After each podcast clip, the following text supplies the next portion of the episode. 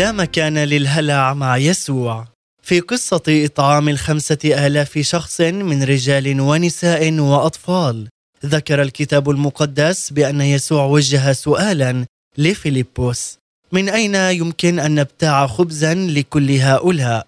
لكن بعدها يذكر بأن يسوع لم يوجه هذا السؤال لأنه لم يكن يعرف كيف يتصرف بل ليمتحن إيمان فيليبوس لقد علم يسوع بأن هنالك صبيا بين هذه الجماهير والذي حمل معه سلة ووضع فيها غذاءه.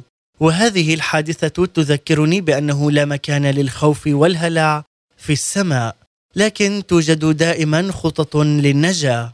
ودعني أقول لك اليوم بأن يسوع لديه خطة لحياتك وهو لا يتفاجأ ابدا أو ينتابه الذعر عندما تفاجئك ظروف صعبة. فلنثق كل الثقة بالرب يسوع المسيح لأنه يعلم تماما ما يجب فعله. محبتي لك وأصلي لأجلك. نلتقي مجددا ضمن برنامج دقيقة من فضلك.